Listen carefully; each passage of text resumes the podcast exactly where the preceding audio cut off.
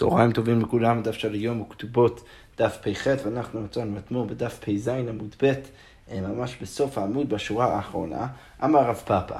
אתמול ראינו אה, אה, דרך המשנה כל מיני מקרים שבהם, אה, שבהם הבעל יכול לחייב את אשתו לפני שהיא גובה את כתובתה. ראינו את המקרה של הפוגם את כתובתה, והאישה, ש, אה, ש, ו, ו, וכשיש עד אחד שמעיד על כך שהאישה כבר גבתה את הכתובה, שבמקרה כזה היא גובה את הכתובה אבל רק בשבועה, וכל מיני מקרים כאלו. ובעצם התלבטו המוראים סביב המשנה, האם השבועה שצריכה לקחת במקרים כאלו זה שבועה מדאורייתא, כמו נגיד מקרה של מועד במקצת או משהו כזה, או האם זה שבועה רק מדי רבנן. עכשיו, לכאורה למסקנה, אה, גם במקרה של הפוגם את כתובתה וגם במקרה של האישה אה, שגובה את כתובתה כנגד עד אחד שמעיד, שמעידה שהיא, שה, אה, שהכתובה כבר פרועה, אז לכאורה הייתה משמע מה, מהמסקנה של הגמרא, שאנחנו סיכמנו כמו שיטת רבא, שבשני המקרים השבועה זה רק, זה רק מדי רבנן. עכשיו, רבא טען את זה בגלל שתי סיבות. סיבה ראשונה, בדרך כלל כשבן אדם נשבע מדאורייתא, אז הוא מה שנקרא נשבע ונפטר. הוא, הוא נשבע כדי, כנגד עד שבא ומעיד על כך שהוא חייב כסף. כדי לפתור את עצמו מהתשלום כסף. כאן זה בדיוק הפוך. כאן במקרה כזה האישה הזאת אה, נשבעת כדי לגבות כסף מבעלה, כדי לגבות את הכתובה, ולכן זה הפוך, ולכן ברור שמדובר על משהו שהוא כבר לא דאורייתא אלא רק דרבנני, ומצד שני גם כן אה, אה, סברה שנייה להגיד שזה רק מדרבנן, בדרך כלל אנחנו לא מחייבים שבועה בהקשר של שיעבוד קרקעות, של גביית קרקע. אלא רק במטלטלים, וכאן זה שאנחנו מחייבים שבועה גם במקרה כזה, זה כנראה אומר שמדובר כאן על שבועה מדי רבנן. עכשיו, רב פאבר כאן, אה, אה, ואיתו אנחנו פותחים את הדף היום, בא ומציע אפשרות לבעל לחייב את אשתו שבועה שהיא כן בסוף דאורייתא. אז כמו אומרת, אמר רב פאבר, לעומת רבא, לעומת מה שאתה בא ואומר שהשבועה שהיא צריכה לקחת היא, אה, היא, היא רק מן רבנן, אני יכול לייצר איזושהי סיטואציה שבו השבועה תהיה דאורייתא. אז רב פאבא בא ואומר דבר כזה, אי פיקח, או אם הבעל פיקח, והוא רוצה בעצם לחייב את אשתו שבועה מדאורייתא, אז מה, מה הוא יעשה? מה לו על ידי שבועה דאורייתא? הוא יכול להביא אותה לשבועה דאורייתא, איך? יוהיב לה כתובתה באפי אחד זהדה.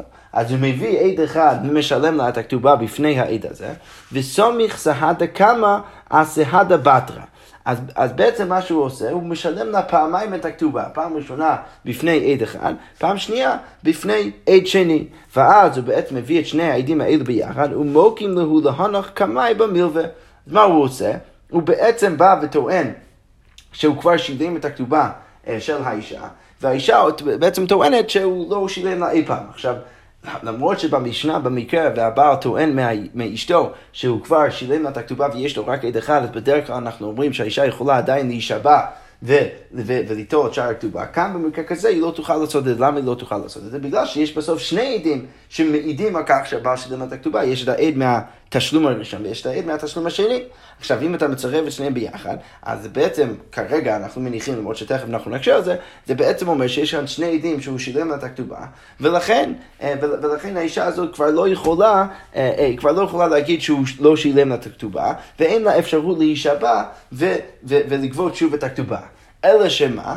מה היא כן צריכה לעשות? עכשיו שיש שני עדים שמעידים שהוא כבר שילם לה את הכתובה, ולא רק זה, אלא שהוא שילם לה פעמיים, אז יוצא שבעצם התשלום הראשון, אפשר להסתכל על זה כהלוואה, שהוא בעצם ליווה כסף לאשתו, ובתשלום השני הוא שילם לה את הכתובה. עכשיו, דרך זה, מה בעצם, מה בעצם קורה עכשיו? זה לא שהאישה עדיין טוענת את הכתובה שלה, כי היא כבר לא יכולה לטעון את זה, אלא שהוא דווקא טוען ממנה כסף, הוא בא ואומר, אני שילמתי לך פעמיים, ולכן את חייבת לי את התשלום של הכתובה.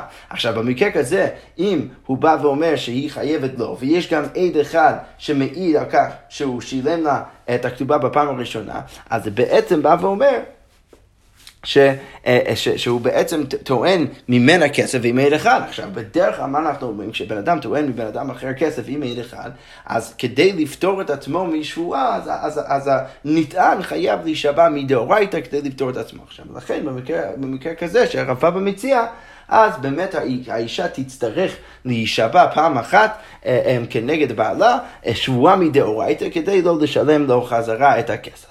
עכשיו זה לכאורה המקרה שהפאפה מנסה לייצר כדי שוב לחייב את האישה שבועה מדאורייתא. והגמרא אומרת, רגע, מה תקיף לו רב שישה ברי דרב אידי, רב שישה ברי דרב אידי בא ומקשה. זה לא הגיוני. למה? כי אתה לא יכול לצרף את שני עדים ביחד. למה? כי לא, כל אחד לא ראה את מה שהשני ראה, כל אחד ראה תשלום אחד. אתה לא יכול לצרף שני אנשים לעדות אחת אם הם לא ראה את אותו הדבר. אז, רב שישה ברי דודי בא ואומר, היח סומיך סהדה כמה יכול לצרף את, ה, את העד הראשון עם העד השני, הם בכלל לא רואים אותו דבר. אלא, מה מציע רב שישה ברי דרב אידי? אלא, אמר רב שישה ברי דרב אידי, אם אתה באמת רוצה לחייב את האישה שבועה מדאורייתא, מה צריך לעשות? משהו מאוד דומה, אמנם קצת שונה, יואב לה כתובתה באפי סהדה כמה. וסהדה בתרא. אז מה הוא צריך לעשות? הוא משלם לה קודם כל את תשלום הכתובה רק לפני עד אחד. ואז הוא בא ומביא את העד הזה עם עוד עד אחר, ומשלם לה את כסף הכתובה. ואז הוא יכול לצרף אותם ביחד, והיא כבר לא יכולה לטעון שהוא לא שילם את הכתובה, כי יש שני עדים שראו את זה, ואז העד הראשון בא וטוען ממנה כסף אה, אה, אה, עבור התשלום הראשון, וכדי לפתור את עצמה מהכסף הזה, כנגד העד אחד, היא צריכה לקחת שבועה מדאורייתא. אז מה בעצם הוא מציע לעשות? הוא מוקים לו להנח קמאי בהלווה, אז בעצם הוא יעשה יהפוך את התשלום הראשון להיות כמו הלוואה, ואז כדי לפתור את עצמה היא תצטרך שבועה, שבועה מדאורייתא. עדיין הגמרא מקשה ואומר, מה תקיף לו רב אשי? רב אשי בא ומקשה, הקאתי יכול למימר שתי כתובות אביי. רגע, עדיין האישה מה יכולה לטעון? זה מאוד יפה ואתה טוען. אה, ששילמת לי פעמיים ולכן אני חייבת לך, אבל מה האישה יכולה לטעון? היא יכולה לטעון חזרה ש, ש, שהסיבה שאתה שילמת לי פעמיים זה בגלל שהיו שתי שטרות, היו שתי כתובות, ולכן באמת אתה שילמת לי כדת וכדין, אני לא חייבת לשלם לך חזרה, ובטוח שאני לא צריכה עכשיו לקחת תשובה מדאורייתא. אז הרב שבא ואומר, גם במקרה הזה זה לא באמת עוזר לחייב אותה תשובה מדאורייתא, אלא במקרה כזה היא עדיין יכולה לטעון משהו נגד בעלה. אבל הגמרא אומרת, אלא, אמר רב אשי, איך באמת צריך לעשות את זה? הוא דמודה להו. אז צריך להיות, צריך להיות שמדובר במקרה שבו הבעל בא ואומר לעדים במפורש, לפני שהוא משלם לפעם הראשונה את הכתובה, שיש רק שטר אחד. ואז הוא משלם לה פעם אחת בפני עד אחד, ואז פעם שנייה בפני שני עדים, כולל גם העד מהתשלום הראשון, ואז באמת יש לו שני עדים, שהם גם כן מעידים שהוא שילם לכתובה, וגם כן מעידים שהיה רק שטר אחד, ואז באמת הוא יוכל לחייב את אשתו שבועה מדאורייתא כדי לפתור את עצמה מהתשלום, של ה, אה, אה, מהתשלום הראשון שהבעל שילם לו בפני עד אחד. אוקיי. אמרנו גם כן במשנה שאם האישה באה לגבות את הכתובה שלה מנכסים משועבדים, אז גם במקרה כזה היא צריכה, היא צריכה להישבע אה, אה, כדי באמת לגבות את הכתובה. עכשיו, אה, גם במשנה הגדרנו את המקרה, מה בדיוק המקרה? רק שנזכיר. המקרה הוא מקרה שבו הבעל, הבעל מכר נכסים לאחר שהוא התחתן לאיזה מישהו, ואז כשהאישה באה לגבות את הכתובה, אז כבר אין נכסים לבעל לשלם לה, ולכן בגלל שיש לה שיעבוד על הנכסים שלו, היא יכולה לטרוף, מה שנקרא לטרוף מהלקוחות ולקחת את, ה, את השדה שהבעל מכר ללקוח ולקחת את זה ממנו. עכשיו, אם היא עושה את זה, אז היא חייבת להישבע. הדגמרא אומרת, תנן הותם, כתוב במסכת שבועות, וכן היתומים לא יפרעו אלא בשבועה. אז כמו שהאישה חייבת לגבות במקרה כזה את הכתובה שלה בשבועה, אז כתוב כאן במשנה, במסכת שבועות, שגם היתומים הם חייבים לפרוע חוב של אביהם רק בשבועה. עכשיו, הגמרא מנסה אה, אה, בשלב זה להבין על, על, על איזה מקרה בדיוק המשנה שם מוסבת. אז הגמרא אומרת, ממן, כשאתה, כשאתה בא ואומר שהיתומים חייבים לפרוע חוב של אביהם בשבועה, אז השאלה ממי הם בעצם פורעים את החוב הזה עד כדי כך שאתה מחייב אותם שבועה. ואילם המלווה, אם אתה רוצה להגיד שהם, כשהם גובים את החוב של אבא שלהם מהמלווה עצמו, שאתה מחייב אותם שבועה, זה לא הגיוני. למה? כי השתא אביהם שקי בלא שבועה ואין הוא בשבועה. מה, אתה רוצה להגיד שאבא שלהם... אם הוא היה עוד בחיים, הוא היה יכול לגבות את החוב ללא שבועה, ועכשיו אתה מחייב את היתומים שבועה, זה לא הגיוני. למה בדרך כלל אנחנו נותנים יותר זכויות ליתומים מאשר לאבא? למה? כי אנחנו רוצים להגן עליהם. אז איך זה הגיוני לבוא ולהגיד שהאבא שלהם היה יכול לגבות את החוב ללא שבועה והם צריכים שבועה? אז זה ודאי לא הגיוני. אלא ארכי אמר, אלא מה צריך להגיד?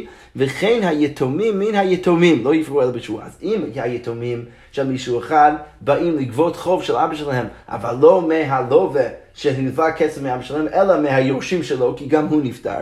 אז במקרה כזה הם חייבים שבועה, כי באמת כשהם באים לגבות חוב מיורשים, אז אנחנו מגינים על היורשים האלו ומחייבים את היורשים הראשונים שבועה כדי לגבות את החוב. הגמרא אומרת, אמר רבי זריקה, אמר רב יהודה, זה שאנחנו אמרנו במקרה כזה שהם חייבים שבועה, לא שנו, אלא שאמרו יתומים, אלא שאמרו יתומים, אמר לנו אבי לוויתי ופרעתי. אז, אז מתי אנחנו מחייבים את היורשים של המלווה להישבע ולגבות כסף? זה רק במקרה שהיושר, של, של, שהיורשים של הלווה באים ואומרים שמה אבא אמר לנו, אנחנו לא חייבים לכם כלום. למה? כי מה אבא אמר לנו? אבא אמר לנו שהוא אמנם ליווה כסף, אבל הוא כבר פרע את החוב. ולכן במקרה כזה אנחנו באמת נחייב את, ה, את היורשים הראשונים לבוא ולהישבע כדי לפרוע ולגבות את החוב. אבל אם אמרו, אמר לנו אבא לא ליוויתי, אבל אם הם אמרו שאבא אמר לנו שאני לא ליוויתי בכלל, אז במקרה כזה, מה הגמרא אומרת? רב יהודה בא ואומר, אף בשבועה לא ייפרעו. אז היורשים לא יכולים לגבות את החוב של אבא שלהם אפילו בשבועה. למה? כי היורשים השניים באים וטוענים שאבא שלהם אמר שהוא לא ליווה בכלל. הגמרא אומרת זה לא בהכרח נכון. למה? כמעט כפלו רבא. רבא בא ומקשה, אדרבה צריך להגיד בדיוק הפוך. למה? כי יש לנו כלל שכל האומר לא ליוויתי כאומר לא פרעתי דומי. בן אדם שבא ואומר שהוא לא ליווה, זה כאילו הוא בא ואומר שהוא לא פרע. עכשיו, מה ההיגיון? אם בן אדם מוציא שטר חוב כנגד מישהו אחר, ובעצם שכתוב על השטר שהוא חייב לו כסף, והבן אדם השני בא ואומר שלא היו דברים מעולם, זה לא קרה אי פעם, לא ליוויתי כסף ממנו, עכשיו, השטר מעיד כנגדו שהייתה הלוואה מתישהו.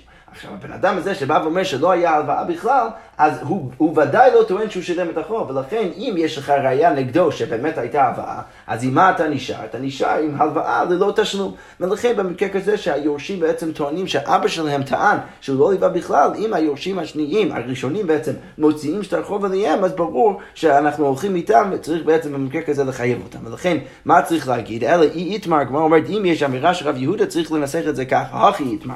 אמר רבי זריקה, אמר רב יהודה, לא שנו זה שאנחנו אמרנו שהיתומים צריכים להישבע כדי לגבות מהיתומים השניים, זה רק לא שאנו אלא שאמר יתומים, אמר לנו אבא ליוויתי ופרעתי. זה רק במקרה שהאבא אמר ליוויתי ופרעתי. אבל אמרו, אבל אם הם אמרו שאמר לנו אבא לא ליוויתי, לא ליוויתי, אבל אם הם אמרו שאבא טען שהוא לא ליווה בכלל, אז במקרה כזה לא שהם לא יכולים לגבות ללא שבועה, אלא בדיוק הפוך, נפרעין שלא בשבועה, הם יכולים לפרוע את החוב, לגבות את החוב אפילו שלא בשבועה, למה שכל העומר לא ליוויתי כעומר לא פרעתי איתם? כי כל בן אדם שאומר שלא ליווה כסף, הוא בטוח, הוא כאילו אומר שהוא לא, שהוא לא פרע, ולכן במקרה כזה היורשים יכולים לגבות אפילו מהיורשים השניים אה, שלא בשבועה. אוקיי, דיברנו גם כן במקרה, אה, במשנה, אה, במקרה שהיא נפרעת את החוב של הכתובה שלא בפניו. אז אמרנו במקרה כזה שהיא צריכה לגבות את הכתובה אה, רק עם שועה. היא יכולה לגבות את הכתובה רק אם היא גובת, גובת בשועה, כי בסוף הבעל לא שם כדי להתנגד לזה, הוא, הוא, הוא נמצא בכלל במדינת הים. אז הגמרא אומרת, אמר רב אחא, סליחה, אמר רב אחא שר הבירה, אז רב אחא שר הבירה בא ואומר, מעשה בא לפני רבי יצחק באנטוכיה, ואומר, אז הדבר הזה הגיע לרבי יצחק באנטוכיה, אנטוכיה ואמר לנו את הדבר הזה. לא שנו אלא לכתובת אישה. זה שאנחנו אמרנו שאם הבעל נמצא במדינת הים יש בכלל אפשרות של האישה לגבות את החוב שלה, אמנם בשבועה, זה רק לגבי כתובת אישה. למה? משום חינה, כי אנחנו רוצים לתת איזשהו אינטרס לנשים להתחתן. ואם הם ידעו, אם הם תדעו אנשים שכל פעם שהבעל הולך למידת הים הם לא תוכלו לגבות את החוב אפילו עם שבועה, אז הם לא תרצו להתחתן. ולכן במקרה כזה אנחנו נותנים להם לגבות את החוב של הכתובה, אמנם עם שבועה. אבל זה נכון רק לגבי כתובת אישה. אבל לגבי בעל חוב, לא. אבל לגבי בעל חוב אנחנו לא נגיד את זה. מה הכוונה? כי, אה, אה, אה, כי, כי ברגע שיש... בעל חוב ב- ב- ב- בסיפור, אז אין סיבה באמת לתת לו את האינטרס הזה, ולכן אנחנו לא ניתן לו לגבות את החוב ברגע שה- שהלווה נמצא בכלל במדינת הים, לא ניתן לו לגבות את החוב בשבועה.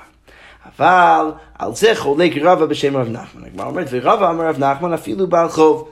לא, גם בעל חוב יכול לגבות את החוב שלו בשבועה, אפילו אם הלווה נמצא במדינת הים. למה? שלא יהא כל אחד ואחד נוטה מעותיו של חבר והולך ויושב במדינת הים. כי מה יקרה אם אתה לא תיתן לבעל חוב לגבות את החוב שלו ברגע שהלווה במדינת הים? אז הלווה ילווה כסף מהמלווה, והוא ילך למדינת הים והוא ידע שהבעל חוב לא יוכל לגבות ממנו את הכסף. אז כדי למנוע מסיטואציה הזאת שלא יהא כל בן אדם ובן אדם, כל אחד ואחד נוטה מעותיו של חבר והולך ויושב במדינת הים, אז, אז, אז אנחנו בעצם צריכים להגיד שבמקרה, אפילו במקרה שהלווה הולך למדינת הים, אז אה, עדיין ניתן אפשרות לבעל חוב לגבות את החוב, אמנם עם שואה, אבל לפחות שיהיה לו את האפשרות הזאת. למה? כי אם אתה לא תעשה את זה, ואתה נועל דלת בפני לובין. כי אם אתה לא תעשה את זה, אז בעצם אתה נועל דלת בפני לובין, האנשים כבר לא ירצו ללוות, לעבוד כסף, למה? כי הם ידעו שכל פעם שהלווה הולך מנתהם, הם לא יוכלו לגבות חזרה את החוב, ולכן, ולכן כדי למנוע מסיטואציה כזאת, אז אנחנו נותנים גם לבעל חוב לגבות את הכסף שלו, אה, אה, אפילו אם הלווה הולך לנתהם, הוא אמנם צריך, צריך להישבע, אבל בכל זאת נותנים לו לגבות את, ה, את הכסף. אוקיי, עכשיו בסוף המשנה ראינו איזו אמירה אניגמטית של רבי שמעון שלא ברור על מה היא מוקסבת, ואני רק מצטט לכם שוב את, ה, את האמירה כאן של רבי שמעון, ובגמרא אנחנו נתלבט על מה זה בדיוק מוסף. אז רבי שמעון אומר בסוף המשנה, כל זמן שהיא טובת כתובתה, יורשים משביעים אותה, אז אם היא באה לגבות את הכתובה שלה, אז היורשים יכולים להשביע אותה, ואם אינה טובת כתובתה, אין היורשים משביעים אותה. אז הגמרא שואל, רבי שמעון היה, על מה מוסף אה, אה, על מה מוסבת הממרה של רבי שמעון? אז הגמרא אומרת, ניסיון ראשון, אמר רבי ירמיה, אהה, זה מוסב על החלק הזה של המשנה. מה כתוב במשנה? ונפרד שלא בפניו לא תיברא לא אלא בשבועה. אם האישה באה לגבות את החוב שלא בפני הבעל שהלך למידת הים, אז היא צריכה לגבות את החוב עם שבועה. עכשיו, מה משמע מהרישא? לא, ש... לא שנה למזוני ולא שנה לכתובה, לא משנה אם האישה באה לגבות את המזונות שמגיע, שמגיעים לה אה, אה, אה, מהנכסים של בעלה, אפילו כשהוא הולך למידת הים, ולא משנה אם היא באה לגבות את הכתובה בשני המקרים האלו, היא חייבת להישבע. עכשיו רבי ירמיה בא ואומר שרבי שמעון מגיב לשיטה הזאת של תנא קמא, בא ואומר, ועתה רבי שמעון למימר כל זמן שטובת כתובתה יורשים משביעין אותה. אז רק אם היא באה לגבות את הכתובה, אז היורשים יכולים להשביע אותה, אבל, טוב, אה, אה, אה, אבל מה משהו מזה? שטובת כתובתה אין סליחה, אינה טובה כתובתה, אין היורשים משביעין אותה. אם היא לא גובה כתובתה, אז היורשים לא יכולים להשביע אותה. אז בעצם מה רבי ימי מפרש? שלעומת תנא קמא שבא ואמר שהאישה חייבת להישבע גם אם היא באה לגבות מזונות וגם אם היא באה לגבות את הכתובה שלה. רבי שמעון בא ואומר שהיא חייבת להישבע רק במקרה שהיא גובה את כתובתה. אבל אם היא באה לגבות מזונות, אז היורשים לא יכולים להשביע אותה, כי באמת מגיע לה את המזונות כבר, אה, אה, כבר, כבר מה, מה, מה, מהזכויות שיש לה בנישואים. אוקיי, ומה בדיוק המחלוקת ביניהם? וכמפלגי בפלוגתא דחנן ובני כהנים גדולים. והמחלוקת של רבי שמעון וחכמים זה בדיוק כמו המחלוקת בין חנן ובני הכהנים הגדולים. דתנן אה, כתוב אה, במשנה שאנחנו תכף נראה בדף קד עמוד ב', מי שהלך למדינת הים ואשתו טובת מזונות. מה קורה אם הבן אדם הולך למדינת הים ואשתו טובת מזונות? בדיוק המקרה שלנו. אז חנן בא ואומר שתשבע. אה, סליחה, תשבע בסוף, לא תשבע בתחילה, אז היא חייבת להישבע בסוף, מה הכוונה? כשהיא גובה את כתובתה, אבל היא לא חייבת להישבע כשהיא גובה את המזונות, שזה עוד חלק מהנישואים. אבל נחלקו עליו בני כהנים גדולים, אז בני הכהנים הגדולים באים וחולקים על חנן, ומה הם אמרו? ואמרו, המשנה אומרת, תשבע בתחילה בסוף, היא חייבת להישבע גם על המזונות וגם על הכתובה. עכשיו, אם אתה מבין ככה את רבי שמעון, אז יוצא שמה, שרבי שמעון כחנן, הוא סובר כחנן שהיא חייבת להישבע רק אם היא באה לגבות את הכתובה, אבל לא את המזונות, ורבנן שבאים ואומרים שחייבת במשנה שלנו להישבע גם אם היא באה לגבות את המזונות וגם אם היא באה לגבות את הכתובה, אז במקרה כזה אנחנו נגיד שחכמים הם כבני כהנים הגדולים. אז כל זה ההצעה הראשונה שרבי ירמי בא ורוצה להגיד שרבי שמעון מוסב ישירות על מקרה שמגיע לפניו. אבל הגמרא אומרת זה לא כזה פשוט. למה? מה עקיף לו הרב ששת? הרב ששת בא ומקשה כל מה שאתה בעצם מציע שרבי שמעון מוסב על מקרה שבא לפניו, זה לא הגיוני. למה זה לא הגיוני? כי מה ניסוח של רבי שמעון? ניסוח של רבי שמעון זה ניסוח של יורשים. אבל אתה בכלל רוצה להגיד שרבי שמעון מוסב על מקרה שהבעל הולך למדינת ים. עכשיו הניסוח והשפה של יורשים זה לא מתאים למקרה שבו הבעל הולך למדינת הים. למה? כי במקרה כזה אין יורשים. למה? כי הבעל עוד, עוד בחיים הוא רק במדינת הים, ולכן לא הגיוני שרבי שמעון בעצם מוסף למקרה הזה. אז, אז רב ששת אומר בדיוק את זה. אז כמו אומר מתחיל רב ששת, היורשים משביעים אותה, בית דין משביעים אותה מפאי אלי. רגע, לא, אם אתה רוצה להגיד שרבי שמעון מוסף למקרה שבא לפני, אז לא, הוא לא היה אמור להגיד יורשים משביעים אותה, הוא היה צריך להגיד בית דין משביעים אותה. למה? כי במקרה כזה אין יורשים, כי הבעל עוד בחיים, הוא רק נמצא במדינת הים. ולכן ברור שזאת לא יכול להיות הכוונה של הממרה של רבי שמעון. אלא אמר רב ששת, אלא רב ששת מציע משהו אחר. צריך להגיד שרבי שמעון מוסף אהה על, על הדבר הבא שזה בכלל מהמשנה הקודמת. מה כתוב במשנה הקודמת? שאם היא הלכה מקבר בעלה לבית אביה, הלכה ישירות מהקבר של בעלה לבית אביה, או שחזרה לבית חמיה ולא נעשית אפוטרופיה, והיא לא הפכה להיות אי פעם לאחר, לאחר פטירתו של הבעל, היא לא הפכה להיות אחראית על הנכסים, אז במקרה כזה אין היורשים משביעים אותה, אז היורשים לא יכולים להשביע אותה על שום דבר, כי אין שום הנחה שהיא בעצם לקחה לעצמה חלק מהנכסים. אבל אם נעשית אפוטרופיה, אם היא כן הפכה להיות אחראית מתישהו לאחר פטירתו של הבעל, אז במקרה כזה יורשים משביעים אותה על העתיד לבוא, ויכולים להשפיע אותה על מה שקרה מאז שהיא הפכה, הפכה להיות האפוטרופיה, ואין משביעים אותה על מה שעבר, הם לא יכולים להשפיע אותה על מה שהיה לפני. עכשיו, רב ששת רוצה להציע שרבי שמעון מוסב על זה, ועתה רבי שמעון למימה שכל זמן שטובת כתובתה יורשים משביעים אותה, אבל אין טובת כתובתה, אין היורשים משביעים אותה. אז רבי שמעון בא ואומר שאם היא באה אה, אה, לגבות את הכתובה שלה, אז היורשים יכולים להשביע אותה, לא משנה אם הפכה להיות אפוטרופיה או לא, אבל אם היא לא טובת כתובתה, אז היורשים לא יכולים להשביע אותה. והגמרא אומר, וכמפלגי בפלוגתא דאבא שאול ורבנן, והמחלוקת בין רבי שמעון ותנא קמא, אה, אם אתה ככה מבין אותו, אז יוצא בדיוק כמו המחלוקת הבאה בין אבא שאול ורבנן. דתנן, כתוב במשנה במסכת גיטין, אפוטרופוס שמינהו אבי יתומים יישבע. מה קורה אם יש אפוטרופוס שהוא בעצם עכשיו אחראי על הנכסים של היתומים לאחר שהאבא נפטר? עכשיו, הברייתא אומרת שאם אבי היתומים מינה את האפוטרופוס על הנכסים שלו, אז במקרה כזה הוא צריך להישבע שהוא לא לקח לעצמו חלק מהנכסים. אבל אם מינוהו בית דין, לא יישבע, כל זה דעת הנקמה. אבא שאול אומר חילוף הדברים, צריך להגיד בדיוק הפוך. אם מינוהו בית דין, יישבע. אם הבית דין מינוהו, אז הוא צריך להישבע, אבל אם מינוהו אבי, אבי היתומים, לא יישבע.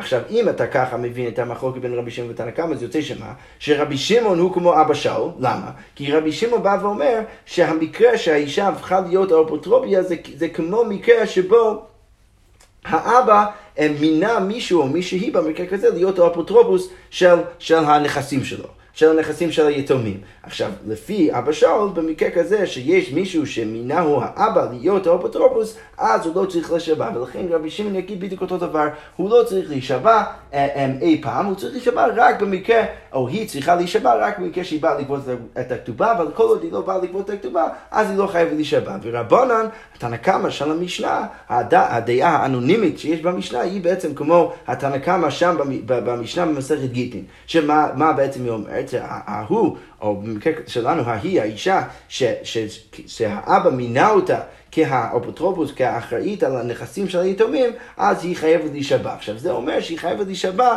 אפילו במקרה שהיא לא באה לגבות את הכתובה. אפילו אם סתם היתומים אה, אה, אה, חושדים שאולי היא לקחה לעצמה איזה משהו, הם יכולים להשביע אותה, וזה לא חייב להיות ספציפית במקרה שהיא באה לגבות את הכתובה. שוב, אז, אז אם אנחנו מבינים את רבי שמעון ככה, אנחנו בעצם מבינים שרבי שמעון בא לצמצם את האפשרות של היתומים להשביע את, את האימא ברגע שהיא הפכה להיות האפוטרופיה, והוא בא ואומר שהם יכולים להשביע אותה רק במקרה שהיא באה לגבות את הכתובה. הכתובה, אבל אם היא לא באה לגבות את הכתובה, אז הם לא יכולים להשביע אותה. אוקיי, אבל הגמרא אומרת, בת ולא אביי, בא בא ומקשה על זה, בא ואומר, זה לא כזה מסתדר, למה? כי היי כל זמן שטובת כתובתה, אם טובת, אם טובת מבית, הניסוח עדיין של רבי שמעון, אם אתה מבין אותו ככה, זה לא, זה לא מדויק. למה? כי, כי באמת, הניסוח הזה של רבי שמעון שבא ואומר, כל זמן שטובת כתובתה, זה לא מדויק. היית צריך להגיד, אם טובעת. אה, אה, אם טובת כתובתה, אז באמת זה היה יוצא הגיוני. למה? כי מה בעצם רב ששם מציע? רב ששם מציע שרק במקרה שהיא גובה את כתובתה, אז אפשר להשביע אותה. אז מה הניסוח היותר מדויק כדי להגיד את זה? רק אם היא באה לתבוע אה, ולגבות את כתובתה, רק במקרה כזה אפשר להשביע אותה. אבל להגיד כל זמן שהיא טובה כתובתה זה לא כזה מדויק. ולכן צריך בעצם איזו הבנה אחרת. אז הגמרא אומרת אלא אמר אביי, או צריך להגיד שרבי שמעון מוסב על חלק עוד יותר מוקדם במשנה. שמה כתוב ב... ברישה של אותה המשנה, שאם הבעל כתב לאשתו, כתב לה נדר ושבועה אין לי עלייך, אינו יכול להשביע, במקרה כזה הוא לא יכול להשביע אותה, לא משנה מה. אוקיי, okay, וכולי, אז אמרנו גם כן במקרה כזה שהוא לא יכול להשביע אותה, אבל יורשים כן יכולים להשביע אותה, אבל אם הוא כותב לה נדר ושבועה אין לי ולא ליורשי ולא, ולא ליורשי ולא לביים ברשותי, עלייך, אז אם הוא כתב לה את כל הדברים האלו, סליחה, עלייך ועל יורשייך ועל הבאים ברשותך, אז באמת במקרה כזה אין יכול להשפיע, לא הוא ולא יורשה ולא הבאים ברשותו, אז לא הוא יכול להשפיע אותה ולא היורשים שלו ולא הבאים ברשותו, לא היא ולא יורשיה ולא הבאים ברשותה. עכשיו כל זה דעת הנקמה, ועד רבי שמעון למימר מה? מה רבי שמעון בא להגיד? שכל זמן שטובה כתובתה, יורשים משפיעים אותה.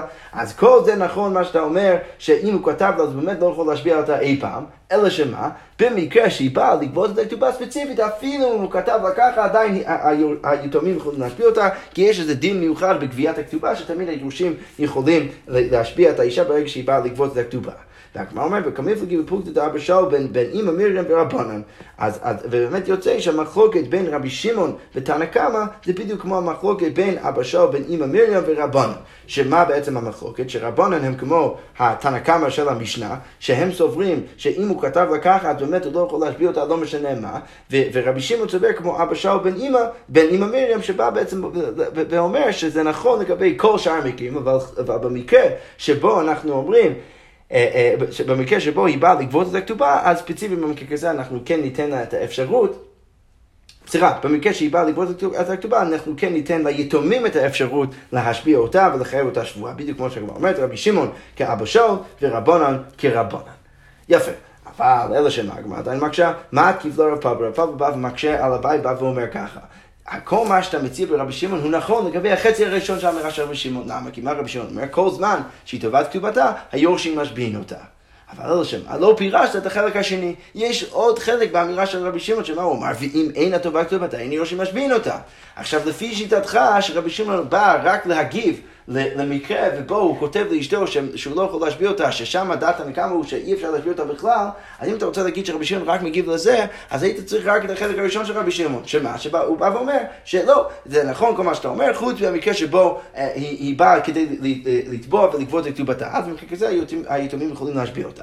אבל אתה לא בעצם צריך עוד משפט שהוא בא ואומר שאם היא לא טובה את כתובתה, אז הם לא יכולים להשביע אותה. ולכן אה, אה, זה יוצא מעולה לגבי החצי הראשון של רבי שמעון, ולגבי החצי השני זה לא הגיוני. אז זה בדיוק מה שהגמרא אומרת כאן. מה תקיף לו רב פאפה, התנא כל זמן שטובה כתובתה. זה יפה מאוד לחטא הראשון של המשפט. אבל הנה הטובה כתובתה, מה יקרה לממר? איך תפרש את החלק השני של רבי שמעון?